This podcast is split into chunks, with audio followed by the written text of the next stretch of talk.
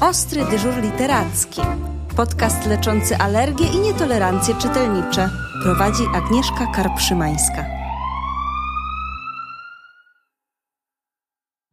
Dzień dobry. W dzisiejszym odcinku niespodzianka, bo wielokrotnie przedstawiam Wam księgarnie, które wychowały pokolenia, a dziś miejsce zupełnie nowe. Łódzka księgarnia do dzieła i osoba, która to dzieło postanowiła stworzyć. Pani Paulina Frankiewicz pisze o sobie łodzianka z urodzenia i wyboru, blogerka, dziennikarka literacka. Dzień dobry Pani Paulino. Dzień dobry. Pani Paulino, księgarnia do dzieła powstała całkiem niedawno, prawda? Tak, otworzyliśmy się 14 lipca, czyli dokładnie kilka dni temu minęło pół roku od, e, od otwarcia, więc w takim bardzo e, niespokojnym, myślę, czasie. I jesteśmy jedną e, z najmłodszych księgarni kameralnych w Polsce. Mhm, to co najmniej niepewne czasy dla księgarni kameralnych. Co zaważyło na tej decyzji? Decyzja, jak się pani domyśla, była podjęta wcześniej, bo, mhm. bo od marca, na początku marca już były podjęte takie kroki, z których trudno by mi było się wycofać, a przynajmniej gdybym się wycofała, to bardzo bym tego, myślę, żałowała, gdybym, gdybym nie spróbowała w ogóle księgarni otworzyć. Więc e, to było takie większe przedsięwzięcie, które akurat zbiegło się z początkami pandemii, kiedy jeszcze nie mieliśmy takiego poczucia, że, że to będzie coś globalnego. Mhm. No ale z perspektywy czasu mogę powiedzieć, że, że nie żałuję. Bardzo się cieszę, tym bardziej, że księgarni niezależnych nigdy dość, prawda? A ja chciałam spytać o nazwę, która moim zdaniem ma przynajmniej dwa znaczenia. Do dzieła tak też nazywał się mój blog, który teraz nadal prowadzę, ale z mhm. dużo mniejszą częstotliwością z uwagi na, na czas po prostu, jakim, jakim dysponuję. Ale tak, jakieś trzy, chyba już nawet teraz cztery lata temu założyłam swojego bloga poświęconego właśnie książkom. Głównie, głównie są to recenzje, ale też rozmowy z autorkami i z autorami. Też jakieś wydarzenia i takie mm, różne towarzyszące E, inicjatywy, ale już wtedy nazwałam właśnie swój blog do dzieła. Właśnie też odnajduję w tym dwa znaczenia. Po pierwsze, e, miałoby być to odnoszenie się do dzieła, do dzieła literackiego, do literatury, do literatury w ogóle, także to ten pierwszy sens. A drugi to myślę taka motywacja do działania, takie no, związane już z grą słów w języku polskim, tak? Takie zawezwanie może do tego, żeby, żeby właśnie taką aktywność podjąć. Mhm. A musiała się Pani motywować do tego, żeby rzeczywiście w pewnym momencie na i sam blog zrealizować, i e, księgarnię w końcu założyć, czyli zrealizować swoje marzenie? Czy było tak faktycznie, że potrzebowała Pani sobie tak powiedzieć przynajmniej raz dziennie przed lustrem, no, no, no to dzieła, tak? Chcę tego. Tak, myślę, że tak. Z blogiem było to o tyle skomplikowane, że myślę, że bardziej świadomie może zaczęłam wybierać lektury, którymi chciałabym się e, dzielić i też perspektywa tego, że o książce, którą, którą przeczytałam, będę coś pisać, będę o niej opowiadać, mm, trochę nastawia do innego rodzaju lektury. Więc z jednej strony bardzo zależało mi na tym, żeby to nigdy nie był mój obowiązek, żebym nie miała takiego poczucia, że jest to coś, co muszę robić, ale no jest to zupełnie inny rodzaj takiej lektury krytyczno-literackiej, myślę, więc, więc to hasło jak najbardziej mi, e, mi do tego pasowało. A jeśli chodzi o tworzenie księgarni, no to, to też myślę, tak jak Pani już wspomniała, to było pewnego rodzaju działanie pod prąd, ponieważ rynek książki w Polsce jest bardzo trudny. Ta sytuacja teraz e, jeszcze, jeszcze bardziej sprawia, że, że ta sytuacja jest mocno niepewna, więc, więc myślę, że jak najbardziej w obydwu tych znaczeniach hasło jest nadal aktualne. Ja chciałabym nawiązać do bloga, o którym Pani wspomniała, bo ja oczywiście się z nim zapoznałam i jest tam mnóstwo bardzo wartościowych recenzji, mnóstwo takich migawek właściwie z wartościowych imprez kulturalnych związanych z książką, ale ten blog jest wartościowy z takiej bardzo prostej przyczyny. Bardzo często podkreślamy to, że w księgarniach niezależnych to, co jest najwartościowsze, to rozmowa z księgarzem, e, rozmowa z pasjonatem literatury, nie tylko dziecięcej, ale w ogóle książek, ale przede wszystkim, jakby mam tu na myśli recenzje, e, opinie, rekomendacje. W momencie, kiedy księgarnia niezależna, osoba, która prowadzi księgarnię niezależną, prowadzi dodatkowo bloga, to właściwie ten kontakt jest podtrzymany non-stop, bo recenzje, które pojawiają się na blogu, właściwie e, wspierają działanie księgarni niezależnych, odrobinę kształtując gust, odrobinę podpowiadając, a przede wszystkim będąc non-stop w kontakcie z czytelnikiem. Mhm, tak, bardzo mi na tym zależało, bo faktycznie ja bardzo dużo rozmawiam z czytelnikami z czytelniczkami w księgarni. E, jeśli chodzi o bloga, to jest tutaj jedna tylko taka mała może trudność, bo ja często też piszę o książkach, których niestety nie można kupić. To są albo bardzo małe mhm. nakłady, albo rzeczy, które już są niedostępne, więc czasami faktycznie te, e, te lektury się rozmijają, ale jest to o tyle, myślę, ciekawe, że, że faktycznie jeśli chodzi o profil i o książki, które wybieram e, do sprzedaży w księgarni, to są one bardzo zbliżone z tymi, które recenzuję. No i bardzo mi zależało na tym, żeby to było właśnie takie autentyczne i, i żeby odbiorca literatury wiedział, na co, na co, czego może się spodziewać i, i właśnie na co może liczyć, odwiedzając moją księgarnię. Także Cieszę się, że właśnie mam to zaplecze takie opowiadania o książkach, czy prowadzenia też spotkań, rozmów z autorkami i autorami, bo to bardzo pomaga w rozmowach o książkach właśnie na co dzień. Mhm, tym bardziej, że bez względu na to, jak mamy dużo czasu, to chyba nie uda nam się porozmawiać o wszystkich książkach, które by nas interesowały, a w momencie, kiedy podglądamy sobie od czasu do czasu recenzje e, na blogu, to być może coś jeszcze nam wpadnie w oko, co jest zbieżne z naszymi zainteresowaniami i wtedy możemy sobie podreptać do księgarni i książkę kupić. Natomiast e, podkreśla bardzo mocno Pani ten niekomercyjny charakter bloga i chciałabym, żeby rzeczywiście to tutaj też wybrzmiało, że te rekomendacje e, nie są powiązane z, mm, z kwestią zarobkową. Tak, moje recenzje są zawsze niezależne. Jedyne, co zyskuje, to, to książka, jeśli faktycznie mm, otrzymuję od wydawcy, co zawsze zaznaczam na końcu tekstu, ale jak najbardziej nie są to sponsorowane opinie, więc bardzo mi na tym zależy, żeby, żeby zawsze to był mój wybór. E, podobnie jak książki, które sprzedaję w księgarni, też, też za każdym razem właśnie jest to, jest to wybór autorski i mam pełny wpływ na to, co, co sprzedaję, a których tytułów świadomie nie mam w swojej ofercie. Mm, wchodząc do księgarni kameralnych, do księgarni niezależnych, prawie zawsze wchodzimy chociaż trochę do takiej niemal prywatnej, mentalnej przestrzeni kogoś, kto stworzył to miejsce i to jest ogromna wartość. E, pisze Pani, że w literaturze dla dorosłych woli Pani raczej smutne książki? Z czego to wynika? Tak, ja czytam prawie same smutne książki. Jak ktoś do mnie przychodzi do księgarni i mówi, że chce coś ciepłego albo miłego, to, to często mam problem. Mamy taki, śmiejemy się z koleżanką, która też u mnie pracuje, że, że zrobimy sobie taką półeczkę właśnie, gdzie będą ciepłe książki, bo, bo raczej same wybieramy takie, które nie wiem, nastrajają w jakąś melancholię, czy, czy po prostu smutek. Trudno mi powiedzieć, z czego to wynika. Mm, nie pamiętam już kto to powiedział, ale Przeczytałam kiedyś takie zdanie, że człowiek z natury umie płakać, a śmiać musi się nauczyć, więc wydaje mi się, że przynajmniej w moim przypadku jest, jest to taka sytuacja, że dużo trudniej jest mnie chyba rozśmieszyć, tak mi się wydaje, a przynajmniej w literaturze i też mam takie poczucie, że trochę inne e, wyzwania stawiam książkom, które czytam, niż na przykład filmom czy serialom, które, które oglądam, że jakby chyba co innego chcę w literaturze odnaleźć i, i faktycznie jakoś bliżej mi do tych takich e, melancholijnych nut. Chociaż staram się, żeby, żeby oczywiście mieć też w księgarni i, i, czytam też takie rzeczy, które w jakimś tam ostatecznym, dalszym planie niosą e, jakiś ładunek nadziei, ale, ale tak, głównie, głównie są to smutne rzeczy, jeśli chodzi o moje osobiste wybory literackie. Jest odrobinę tak, że chyba to są zwykle lepsze książki, nie generalizując, ale bardzo często tak jest, że trudno znaleźć dobrze napisaną książkę ze świetną fabułą, która jednocześnie jest wesołą książką. Tak? Jeżeli mówimy o zwłaszcza takich obyczajowych dramatach, e, no to rzeczywiście jest pewnego rodzaju prawidłowość w tym. Tak, też mam takie poczucie, zwłaszcza, że myślę, że łatwo jest napisać książkę, która, która właśnie miałaby w jakiś też taki tani sposób wzruszać i moim zdaniem to ma hmm. właśnie niewiele wspólnego y, z takim, z takim ładunkiem prawdziwości, szczerości, jakiejś takiej rozmowy na poziomie emocji, a, a właśnie jest, jest to napisane pod bestseller, którym czasem się staje, a czasem nie, ale, no ale ja faktycznie takich rzeczy sama nie szukam. Ja myślę, że to się hmm. też może trochę zbiega biegać e, z obszarem filozofii, którą się zajmuję, ponieważ robię też doktorat z filozofii w międzyczasie. Jest to filozofia absurdu. E, tak, ja, się, ja to przeczytałam i się bałam o to zapytać, szczerze, ale proszę rozwijać. To jest tak. bardzo prosta rzecz. To jest takie pogranicze filozofii i literatury, głównie kojarzone e, z Albertem Camus, z Francem Kawką, z Fiodorem Dostojewskim, ale też z mniej znanymi pisarzami, na przykład takim Portugalczykiem Fernando Pessoa. Mhm. I to jest y, taka filozofia, taki nurt filozofii współczesnej, która ma pokazywać, że absurd jest też taką kategorią kulturową i egzystencjalną. Bo absurd oprócz tego, że u nas w języku polskim jest obciążony y, też takim potocznym znaczeniem, bo często mówimy, że coś jest absurdalne, czyli bez sensu, w ogóle nie warto się tym zajmować, no ale, ale jakby to nie o to mi chodzi to jeśli chodzi o filozofię, to absurd genealogicznie dotyczył e, źle zbudowanych zdań, czyli jakichś takich właśnie wad lingwistycznych oraz e, wad takich na poziomie logicznych, czyli wypowiadanych jawnych sprzeczności.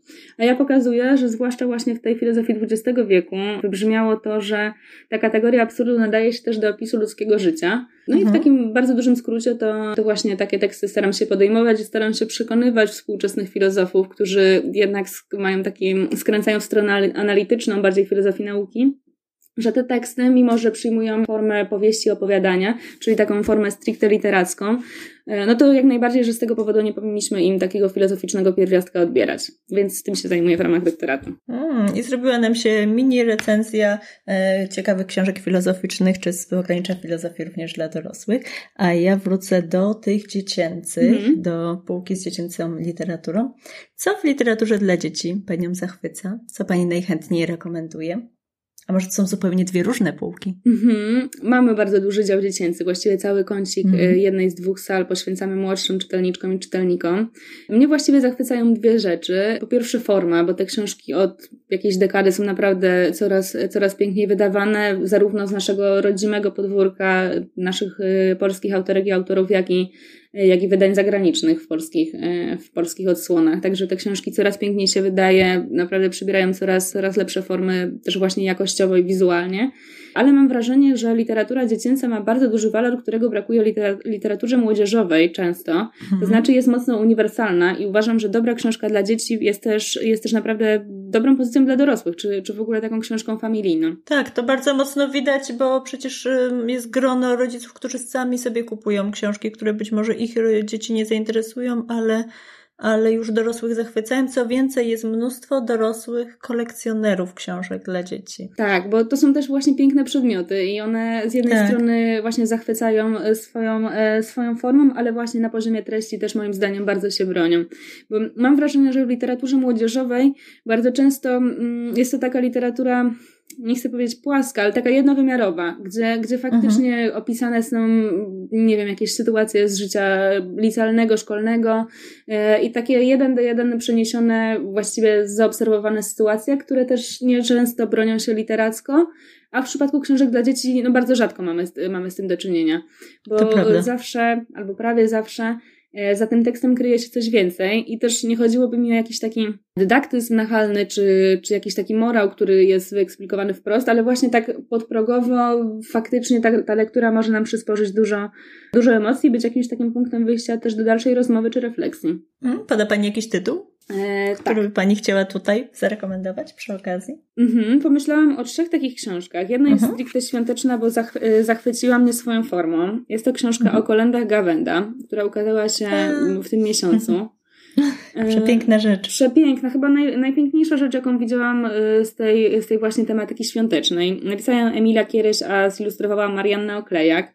Ilustracje są naprawdę genialne, bo no to jest bardzo charakterystyczny styl właśnie pani Oklejak, gdzie one wyglądają jakby były wycięte właściwie z papieru te, e, te formy, także... także no i naprawdę... pani Marianna dała się już poznać w tym tak. stylu, prawda? Tak. Także e, książki Cudawianki już były nagradzane i myślę, że jeżeli komuś się spodobało wtedy to, co pani Marianna robi, no to już został, e, został śledzący jej twórczość i teraz tym serdeczniej zachęcamy i rekomendujemy. Tak, więc, więc świetnie to wygląda. Tak samo na poziomie, na poziomie tekstu, bo jest tam mnóstwo kolęd i pastorałek, których ja zupełnie nie znałam. Mamy nuty, mamy wyjaśnione archaizmy albo po prostu trudne słowa. No i opowieści o tym, jak, jak te teksty powstały. Także naprawdę bardzo fajna lektura. Myślę, że nie tylko dla dzieci, zdecydowanie nie tylko dla dzieci. E, jeśli chodzi o książkę, która też zachwyca mnie formą, to teraz mieliśmy wznowienie, z czego, z czego się bardzo cieszę, Jeziora Łabędziego. Mhm. Pisanego wokół, oczywiście wokół, wokół baletu y, Piotra Czajkowskiego a zilustrowanego przez e, Charlotte Gaston. Książkę wznowiło wydawnictwo Mamania i jest to książka przepiękna, bo jest ona ażurowa. Jest to książka, która... A, to wiem też, o której pani mówi. To, to jest nietypowa bardzo forma na polskim rynku wciąż. Złoto-granatowa, więc w ogóle te, te mm. dwie barwy świetnie ze sobą kontrastują. Naprawdę przepiękna rzecz. Też jak najbardziej myślę dla, dla dzieci i dorosłych tak samo. Mamy, mamy tekst, oczywiście w formie mocno skróconej, ale przede wszystkim ten no nie wiem, czy tu już możemy mówić o ilustracjach, bo często są to po prostu też no, otwory, wycięte właśnie te ażurowe formy, ale naprawdę książka zachwyca i ja mogę ją oglądać bez końca. I pomyślałam jeszcze o jednej książce, troszeczkę innej i też z takiego naszego łódzkiego podwórka, bo y, w większości jest ona współtworzona przez łódzkich autorów, w tym studio Ładne Halo. Jest to mhm. książka mhm. Halo tu dźwięk, którą wydała fundacja Learn How to Sound i ona opowiada w sposób e, popularno-naukowy o dźwięku w przeróżnych formach. Bo opowiada o dźwięku na poziomie tym biologicznym, co się dzieje, że w ogóle ten dźwięk słyszymy, jak te dźwięki wydajemy. Opowiada też y, o tworzeniu muzyki, opowiada o chociażby, nie wiem, o zjawisku echolokacji, o tym właśnie, jak, jak rozchodzą się fale dźwiękowe. Także jest tam mnóstwo po prostu sposobów y, ujęcia tego dźwięku i też zachwyca i formą, i ilustracjami, i też sposobem przekazu. E, bardzo fajną rzeczą jest też to, że pojawiają się tam różne takie zadania i wyzwania związane z tym, jak ten dźwięk wydobyć i jak, e, jak się przysłuchiwać e, z większą uwagą dźwiękom, więc, więc też bardzo, bardzo dobra rzecz. Myślę, że na prezent też świetnie by się sprawdziła. Prawda. To przepiękne rekomendacje. A ja zapytam Panią o coś dla zdecydowanie starszych dzieci, co dostrzegłam na Pani blogu. Mhm. I trochę nawiązuję do tego, że dobra książka często no często jest smutna albo porusza poważne tematy. E, zauważyłam recenzję książki Joanny Jagiełło Jak ziarnka piasku. Oj, przepiękna jest to książka, tak. tak, jest bardzo e, smutna. Jednocześnie to jest, to jest bardzo trudna książka, prawda? Jak pani ją odebrała? Tak, wiem, że to jest trudna książka, wiem, że też było sporo kontrowersji wokół niej, ale ja uważam, że jak najbardziej jest to wartościowa, wartościowa lektura. Faktycznie już myślę, że taka dla młodszej przynajmniej młodzieży, niż, mm. niż dla dzieci. Także myślę, że taka chyba 14 plus, może tak bym mhm, powiedziała. z całą pewnością tam są bardzo mocne sceny. Tak. Zresztą zaczyna się cała książka y, na y, miejscu śmierci jednej z dziewczyn. Tak, tak myślę, że właśnie, y, no nie będzie to też żaden spoiler, ponieważ to się chyba nawet na okładce pojawia, że, że mamy tak, tutaj tak, oczywiście. z samobójstwem, więc jest to na pewno bardzo, bardzo mocny przekaz no, w momencie, kiedy życie sobie odbiera naprawdę młoda osoba. Ja nie odczytuję tej książki jako kontrowersyjnie, właśnie jako, raczej jako taką e, mocną treść, e, która też bardzo dużo daje do myślenia, tym bardziej, że jest e, osnuta wokół prawdziwych wydarzeń, tych, które miały miejsce e, w Sopockim klubie.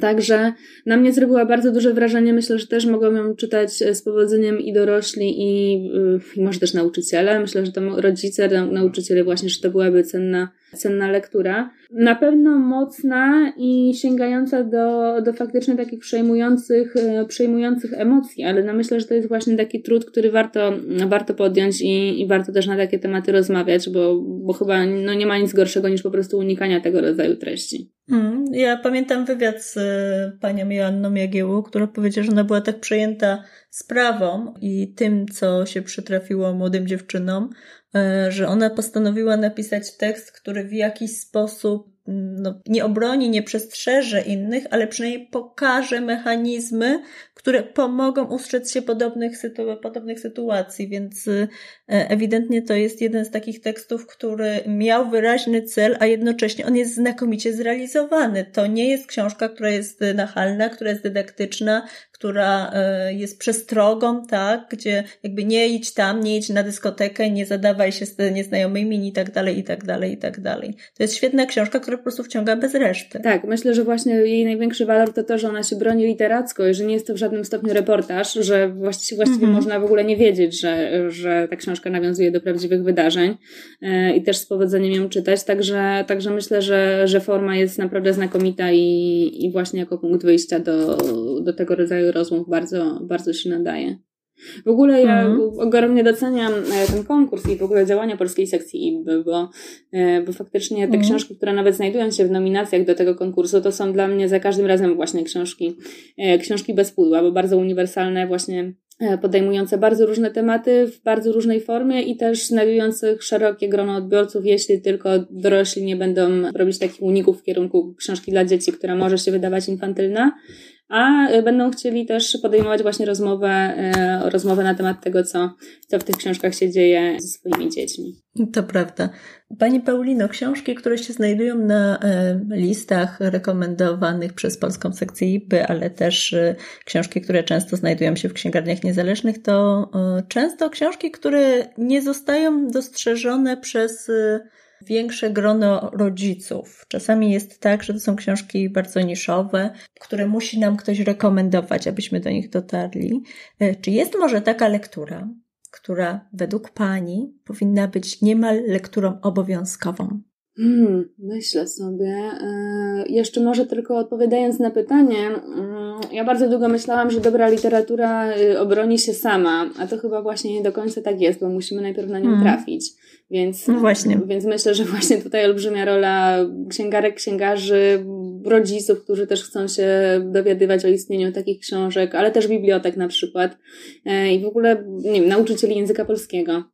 Bo przecież oprócz hmm, tego kanonu lektur mamy bardzo duże pole do tego, żeby, żeby te nadobowiązkowe książki różne, na różne sposoby przemycać. Czy jest taka książka sobie właśnie teraz? Właśnie z tego wynika moje pytanie, bo ja, ja mam kilka takich książek, przyznaję, i o ile my na tradycyjnym ostrym dyżurze, e, no zawsze e, książki, które rekomendujemy są wynikiem rozmów z dziećmi, ich mhm. doświadczenia, ich preferencji, ich zainteresowań i tak dalej, i tak dalej. Czyli robimy to, co e, księgarze niezależni na co dzień właściwie właściwie, tak? Natomiast, tak.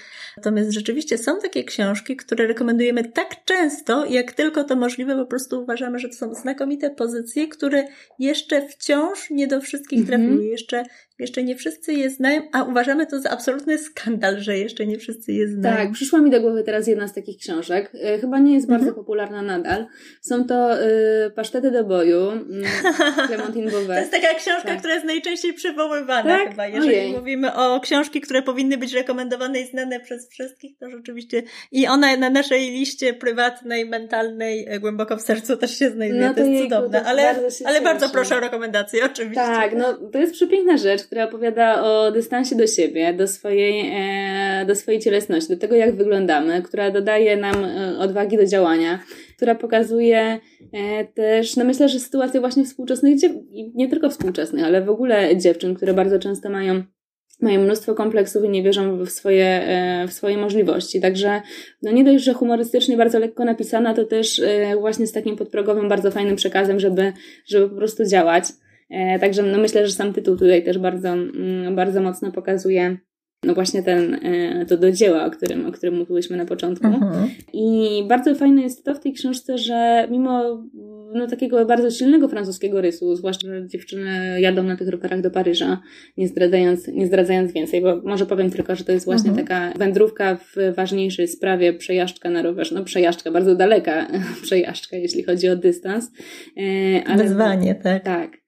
Tak, tak, tak, ale, ale no myślę, że świetnie się udało na ten grunt e, polski tę książkę e, przenieść i że, że dobrze się u nas przyjęła. Dosyć trudno ją chyba teraz dostać, ale my bardzo staramy się, żeby ta, jak i inne książki w ogóle z tej serii dwóch sióstr, bo uważam, że właśnie to są bardzo fajne pozycje dla dla tej młodszej młodzieży albo jeszcze dla dzieci, e, więc staramy się zawsze, żeby ta książka u nas, u nas na półce się znalazła. Mm, a tą książkę też e, dość trudno dostrzec ze względu na okładkę, która, no, to nie jest gruba okładka, nie jest bardzo pięknie tak. zrealizowana, prawda? Ona jest taka rzeczywiście niszowa dosyć. Tak, jest dosyć mm, minimalistyczna. Jeżeli chodzi o wygląd. I ma takie przytarte kolory, byśmy powiedzieli, takie trochę... No więc tak. właśnie, tak troszkę wygląda jakby już się przytarła, a to e, powinna się przytrzeć, ale od wielokrotnego czytania. To tak, to jak najbardziej. Tak, to, to, to mi jak najbardziej przyszło, yy, przyszło do głowy. No, na mnie samej olbrzymie wrażenie zrobiło Świat Zofii, który mhm. czytałam chyba na początku gimnazjum, jeśli dobrze pamiętam.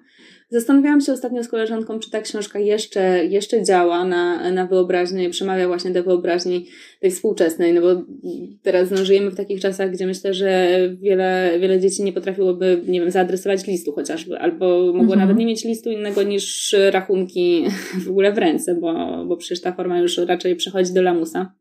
Także zastanawiałam się, w jaki sposób ta książka się, e, się zestarzała, ale dla mnie była to niesamowita lektura, właśnie taka szkatułkowa, sprawiająca, że, że właściwie wszystko inne w czasie lektury przestawało się liczyć. Także dla mnie, dla mnie to była też bardzo ważna rzecz. I w sumie myślę, że ona była takim punktem wyjścia dla spotkań, które też organizujemy w księgarni, bo mamy takie spacery filozoficzno-literackie. E, mhm. Udało się nam już kilka zorganizować. Prowadzi moja koleżanka, która ma taką swoją mm, działalność Pani Kogito.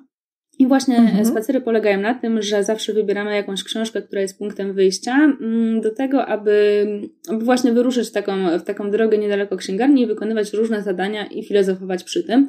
E, co też bardzo dobrze pokazuje, że książki dla dzieci, które wcale nie zostały napisane z myślą mm, o właśnie takim filozoficznym ładunku, albo przynajmniej nie mają tego w tytule, też e, świetnie się do tego nadają, żeby, żeby właśnie w oparciu o nie e, no, podejmować refleksje na te takie tematy najważniejsze, myślę. Mm, no to świetne, absolutnie. Chętnie się zainteresuję samym cyklem. No dobrze, w takim razie chyba nie pozostaje nam nic innego, jak zaprosić do księgarni. Poda Pani adres stacjonarny? Tak, księgarnia mieści się przy ulicy Poruchnika 3, w samym sercu Łodzi, zaraz przy ulicy Piotrkowskiej, którą myślę, że nawet ci, którzy w Łodzi nie byli, znają, także e, bliżutko w samym centrum. No i z uwagi na te okoliczności, no, w jakich, w jakich żyjemy wszyscy od ostatnich e, kilku miesięcy. Działamy też e, w formie e, zdalnej, wysyłkowej w ramach akcji Książka na telefon, która pomaga takim księgarniom jak nam, mm, niezależnym, kameralnym, które niekoniecznie mają swoje, swoje domeny internetowe, też komunikować się z, z odbiorcami i sprzedawać książki właśnie wysyłkowo. My kończymy zresztą pracę nad sklepem internetowym, więc myślę, że od nowego roku on już tak ruszy pełną parą, ale już teraz e, konsultujemy się z czytelniczkami czy czytelnikami przez Facebooka, przez Instagrama, przez maila, robimy wideokonferencje, gdzie można też zobaczyć nasze regały i, e, i wybrać sobie książki, więc, e, więc jesteśmy też jak najbardziej aktywni zdalnie. Wysyłamy książki, wozimy rowerami, także no, robimy co się da, żeby, żeby do czytelniczek i czytelników dotrzeć. To ja w takim razie bardzo serdecznie dołączam się do wszystkich rekomendacji, dołączam się do zaproszenia. E, zapraszam też na bloga i do wszystkich, którzy mają marzenia, mówię razem z panią Pauliną. Do dzieła. Dziękuję ślicznie. Dziękuję bardzo. Podcast zrealizowany w ramach projektu Ostry dyżur literacki w księgarniach niezależnych. Dofinansowano ze środków Ministra Kultury i Dziedzictwa Narodowego pochodzących z Funduszu Promocji Kultury.